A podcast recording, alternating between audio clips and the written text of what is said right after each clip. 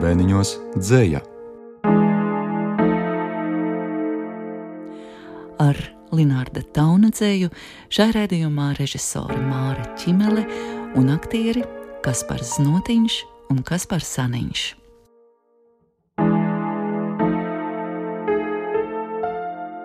Ziniet, kā man tauns no sākuma bija kā tāda ūdens tvertne, ūdens tilpe. Tā līdzība ar tauna dzēju ūdenim ir pavisam pieļaujama, jo ūdens viņa dzējā, ūdens virsma, upe, zivis parādās no dzīvoļa dzīvoļa. Un uh, ar tauna dzēju ir tā, ka tu pienāc pie tās ūdens virsmas, un tur tu neredzi, kur tur peltās krāsainās foreles, vai kā pie akvārija, kur tu visas zīltiņas skaisti un labi redzi. Tas arī ir tas okeāns, kas bija starp viņu un viņu Amerikā. Nu, lūk, lūk, tur ūdens stihija un tēma parādās un caurstrāvo visu viņa dzēju. Jā. Un es tauna dzēju saredzu kā tādus tumšos ūdeņus, pie kuriem tu pienāc, un tur peld tāda zivis. Tāda zivis, un tās nav tik viegli noķeramas. Un vislabāk ir vienkārši pašam būt par akvalangistu un nonirt un vienkārši apskatīt to, kas tur ir. Nu jā, bet no malas raugoties, to nevar redzēt. Tur ir jāpaņem tā tauna dzēja un uh, jāpietuvina sev. Kādā nu, mēs Katrs savā veidā varam atļauties, vai ne? Klausītājs, klausoties mūsu, lasītājs, lasot un lasot vēlreiz, nu, un runātājs, runājot atkal un atkal. Viņš tā ilgojās visā viņa dzējā. Ir tāda sāpīga ilgošanās. Man liekas, ka tas, ko mēs darām, ierakstot viņu dzēju, mēs atvedam viņu atpakaļ mājās un atdodam viņu mums visiem un viņš satiekas ar visiem mums. Man šķiet, tas ir tāds ļoti saviņojošs notikums satikties ar tā un aiziet.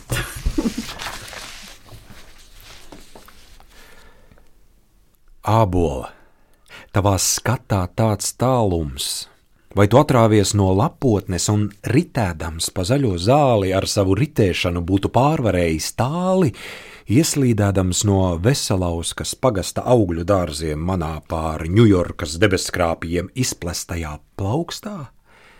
Jo skaidri dzirdu, kā tavai balsī cauri bubina tūlīgs zirgs, kad saimnieks tevi ved uz Matīs ielas ābolu tirgu, gājiens līdz cauri, kur Latvijas brūnajām ganību zāle, klusi lauki, rāma tāle, un tagad es tevi sev tuvu jūtu, it kā es pats būtu izspraucies pasaulē no tavām sēklām.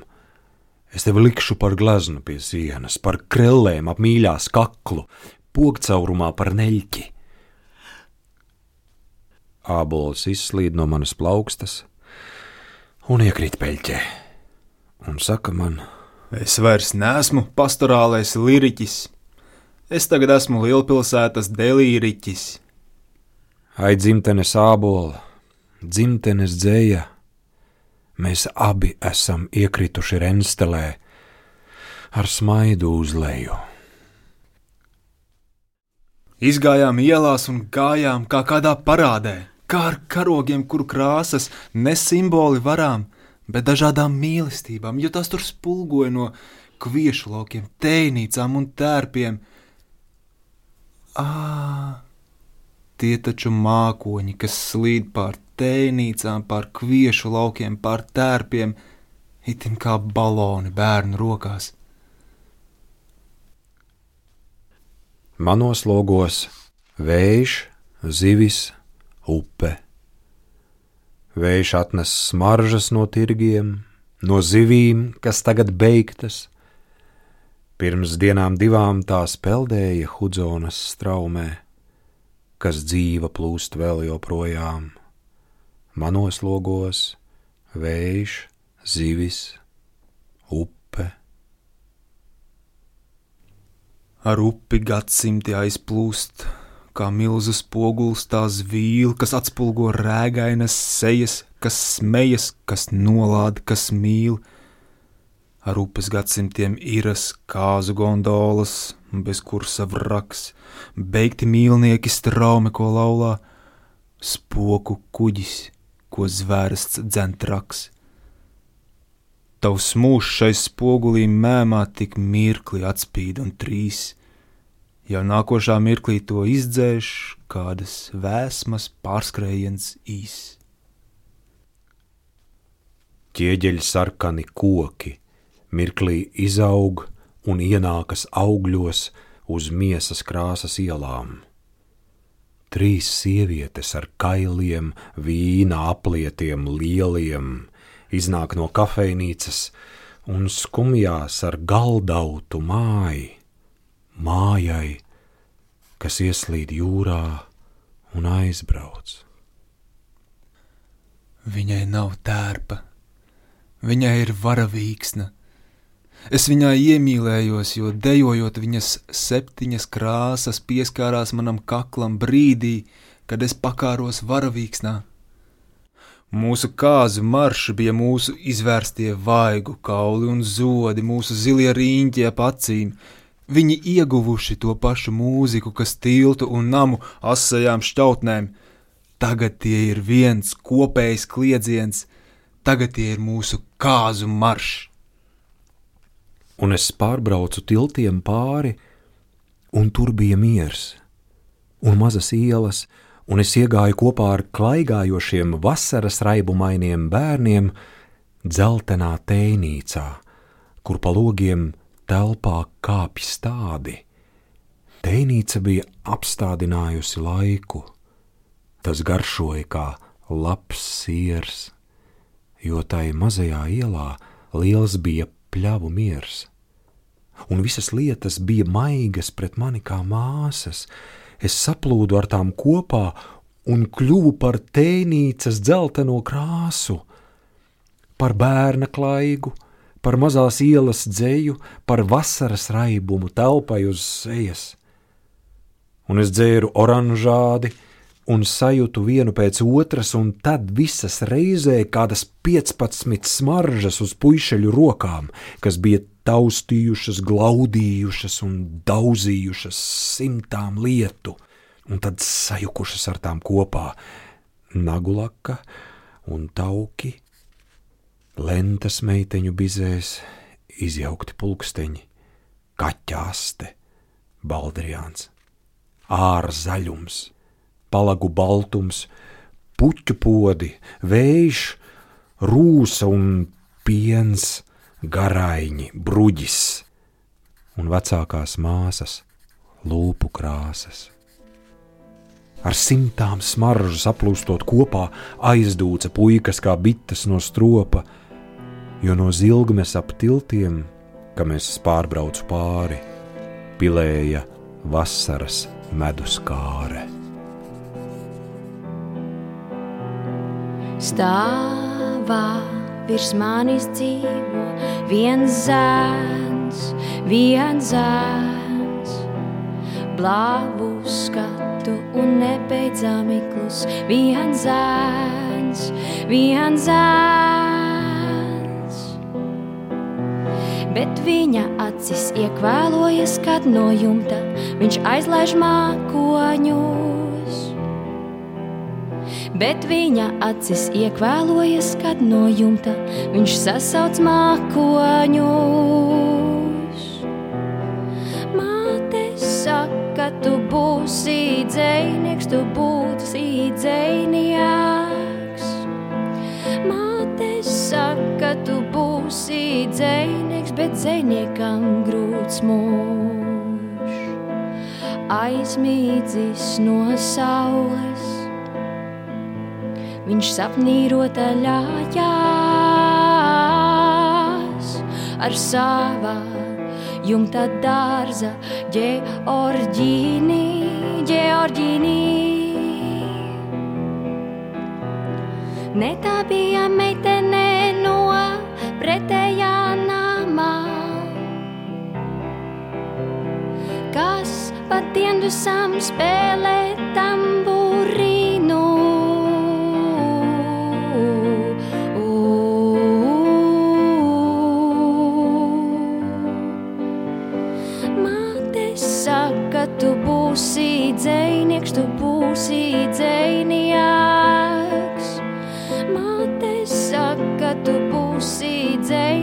dzēniekam grūts mūžs.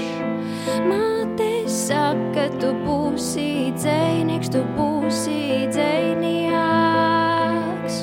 Māte saka, tu būsi dzēnieks, bet dzēniekam grūts mūžs. Georgīne slūst, meitene aizsit logu.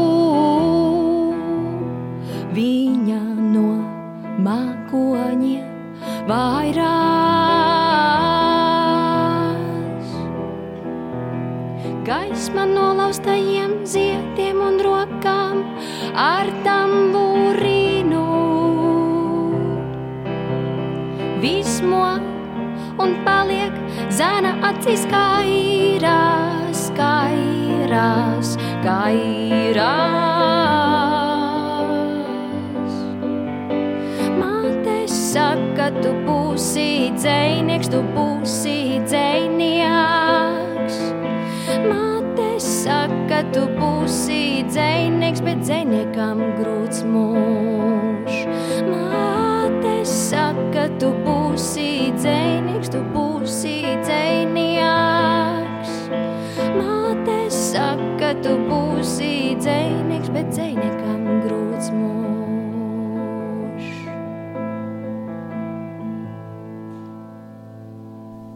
Saruna ar dzinieku.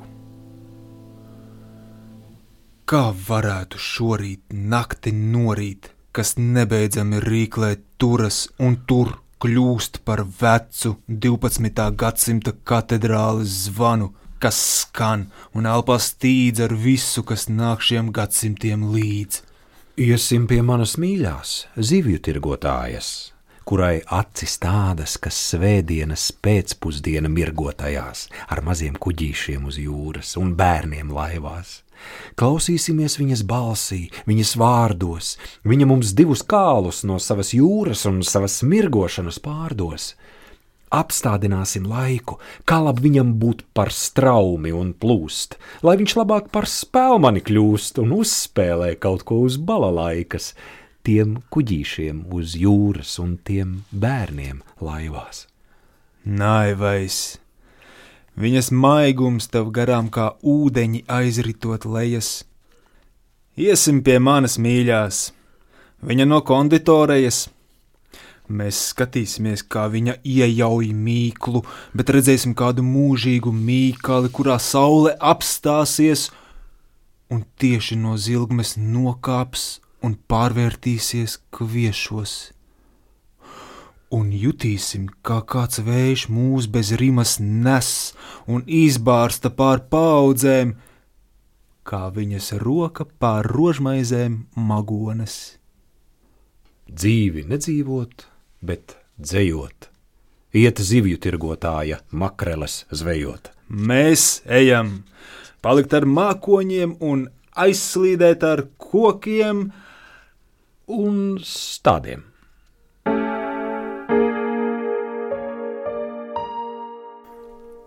Lamentācija par pasaules riņķošanu. Mēs esam tirgū, un tad atkal bērēs. Augļi un zivis šeit riņķokās saules, uzlec un noriet. Riņķo tirdznieki, zirdznieki, katafalki, karogi, blāvis, sarkani kloni, laivas, kliedzieni, laivas, un tiek atkal aprakti. Un nekas nav noticis? Nē. Un tirgu ir izkārtnes, un upes, un pulksteņi, Filipo picērija un balti krēsli. Un mēs gājām gar mūru, gar pasaules, gar mazu šķērsieliņu krāsām, ko mums gar vaigiem aizrāva un nesa vējš, dzeltenām un sarkanām un milzīgu piecstāvu puķu un tuberozes un ātrās tuberkulozes vaigu krāsas lāsām un mēs gājām caur tirgu un riņķojām, ģigo, ģigo, tā kā riņķo ap saulēm, mēs riņķojām apkārt ap divām krūšu vīģēm. Mēs gājām caur tirgu un riņķojām, un pēkšņi sapratām biedā, mēs gribam apturēt tuberozes ziedu mirkli pirms noziedēšanas. Mēs gribam pārtraukt pasaules riņķošanu. Mēs gribam pasargāt no riņķošanas, no vēršanās vaska un palagu krāsā, ātrā diloņa un skarlatīnas sarkano, mazu mirstošu meiteņu vaigos. Nē, nē, jo ik viens auglis un ik viens galvas kaus šeit riņķo kā saules. Mans galvas kaus būs iela caur tirgu, pa kuru sievas un nabagi ies ar ābolu grozu, ar pomgranātu grozu virs galvas kausa, jo mēs esam savās bērēs. Un tad atkal tirgu. Kā varētu noturēt mūžīgā riņķošanā šo riņķošanu?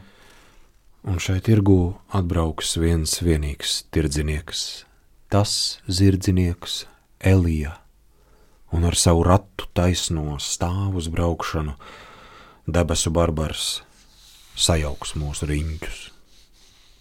Un tirgū būs izkārtnes un Filipa picērija, balti krēsli un upes un pulksteņi.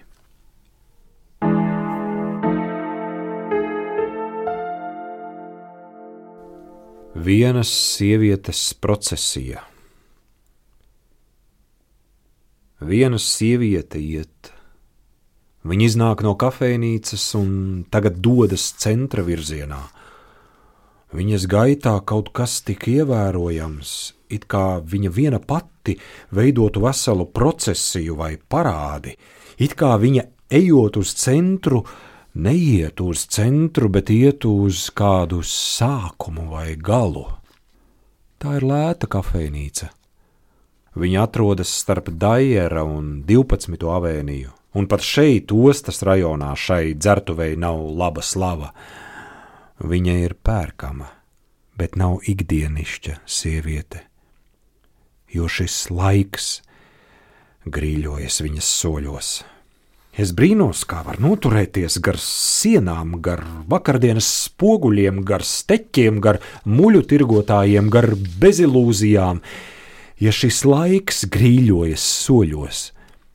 Viņa šļupstošā balsī uzrunā holandiski skrejošus jūrniekus no Andrejā Morijā, kas nogāja dibenā priekš 12 gadiem. Es piegāju viņai klāt, dīvaini. Viņa stāv manā priekšā pestīšanas armijas leitnanta uniformā, Viņas asketiski stērķelētā aube izslēdz kā tornis virs viņas sejas gotiskajām smailēm, pa kurām viņa grib ietiekties debesīs pirms nāves. Viņa ir vecmeita. Viņa vāc ziedojumus misionē pie paklīdušiem jūrniekiem no Andreja Morija. Rokā viņa tur 15. gadsimta šķīstības jostu. Halleluja! Viņa teica. Halleluja!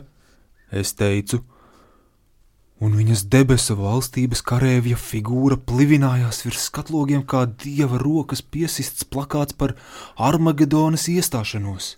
Es vēlreiz paskatījos sievietē. Uz krūtīm virs plāna katūna viņa valkā mātes rokas pārvilktu krustu. Viņa ir mājīga kā nabaga ļaužu dzīvoklis.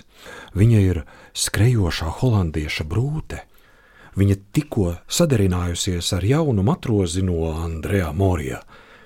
Viņa taču pavisam jauna meitene, jo viņai ir virs sarkanu dakstiņu jumtiem staigājošu lilā balonu gaita. Vēl šorīt es viņu sastapu kāpnēs pēc mesas ar sveci rokās. Ah! Viņa bija tulpe! Vai viņa iesāka ziedēt uz pakāpieniem? Nē, viņa iesāka skriet šausmās, it kā labāk ļaujot, lai vējš to nolauž, nevis lai svešās kāpnēs izsmaržotu tulpe ar sveci rokās.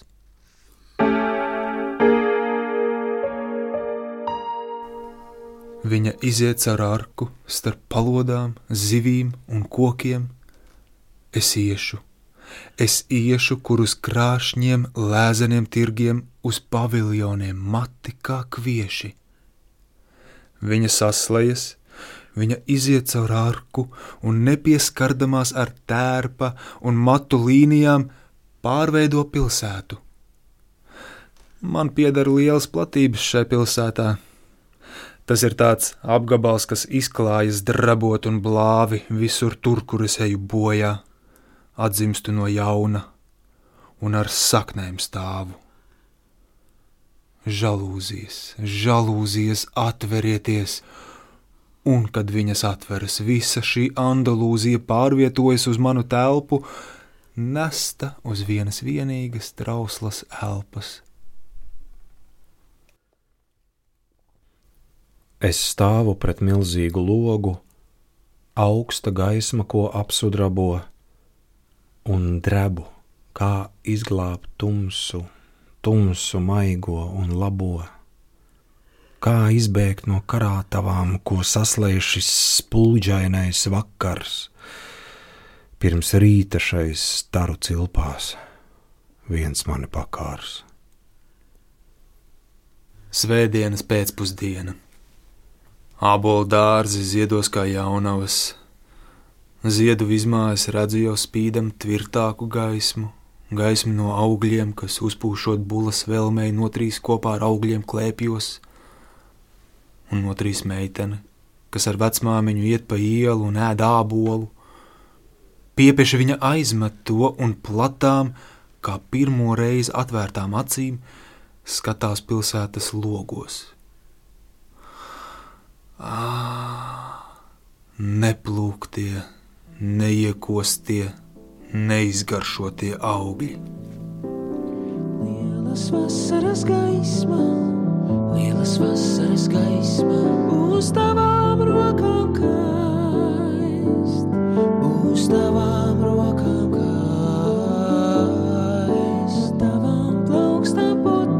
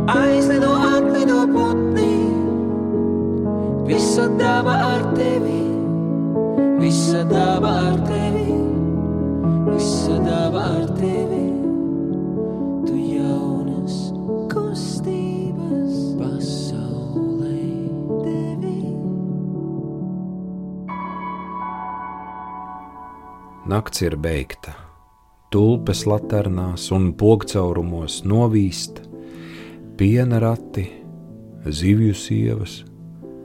Dzersim nu pienu, kad vīns ir izdzerts, un ēdīsim zivi, kurai pavalgam upe ar tālu ūdeņu garšu. Pilsētā ir bēres. Viņi izvada vienu ielas meitu. Gājiens apstājas pie ievērojamākām vietām viņas īsajā karjerā, kas žilbina ar viņas sajukušajām acīm. Arī pie tās ēdnīcas, kuras viņu sastapa toreiz, pie ēdnīcas, kas šodien pēkšņi smaržo pēc gaļas ēdājām mušām, kuras ir romantiski zilas, un par godu šīm sērām plivina karodziņus ar spārniem. Viņa toreiz plivināja rokā mazu kādas uzvarētājas vai zaudētājas nācijas karodziņu, jo viņa bija tikko izlaista no asiluma. Kad viņa ienāca iekšā, ēdnīcā iestājās nepanesams troksnis, jo no viņas kliedza ne tikai viņas, bet mūsu visu pagātne ar trombonēm tik skaļi, it kā šī sieviete būtu vecā emigrante krieviete, kas izbēgusi uz ārzemēm kopā ar Jekaterinburgas pagrabā nošauto caru. Viņa ienāca iekšā, un viņas atmaskojošā klātiene padarīja sejas caurspīdīgas. Es redzēju caur katru no tām aizmugures galdiņa kafijas tasītes, pilnas apfrizētām pļavu un dārzu puķēm, kā vāzes. Bet viņas seja bija grāmatas lapusēs nospiesti ziedi. Šai ēdnīcā viņa vēl nosmaržoja, pirms izpleta rokas virs neatrodamām krucifiku ailēm, kā krustā sisti. Puķes viņai vispār bija raksturīgas, jo Flandrijā 15 gadus kopš otrā pasaules kara viņas mīļākie zied par magonēm. Viņas acīs pastāvīgi trakoja bailes, ne tā kā mums no kaķu dzeltenajām sejām, ne no spoguļu saplīšanas, ne no jaunā mēnesis pār kreiso plecu, bailes no šķīstības bojājas. Pēkšņi viņam man pienāca klāt un teica: Kungs, Es esmu jaunava, un es nomiršu kā tāda. Un viņa nomira kā tāda. Pilsētā ir bēres.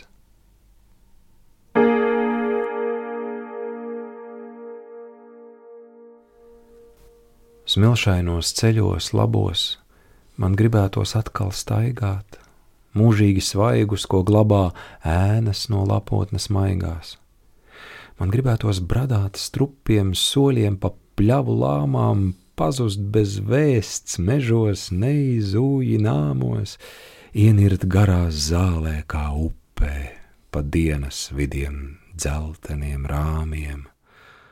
Upes, zāle, manas māsas, man pietrūkst veldzes, man pietrūkst krāsas, man pietrūkst dabas vasaras ābola krāsas. Es atminos, ka es biju iegājis augļu dārzā, aiz dēļu žoga ar lielām spraugām, pa kurām kā stīgas šūpojās stari. Iedams es vilku ar nūju pa dēļiem un spraugām, un man likās, ka stari spēlē uz manas nūjas. Man likās, ka katrs koks dārzā dziedāja līdzi, man likās, ar augļiem pār manu ceļu krita dziesmas. Zaļdzeltens mākonis aizslīd gar parku, kur pilsēta jumjas. Mani moka ilgi un kaisli viņa aizslīdēšanas skumjas. Un diendusas snaudā man šķietas guļot uz sola kā zālē, šis mākonis nevis ar lietu, Viņš pilns ir ar skaņām un tālēm, ar augļu plūstošo gaismu, ar rāmo kvēli no ogām, ar maizes rūguma kaismu, ar spožumu miklo no logiem, ar dziesmu, kas saules gozēja, ar dziesmu, kas paloģu dūjām, ar pūšamiem vārdiem pret rozi, ar mežu ujām. Yeah. Ooh. Ooh.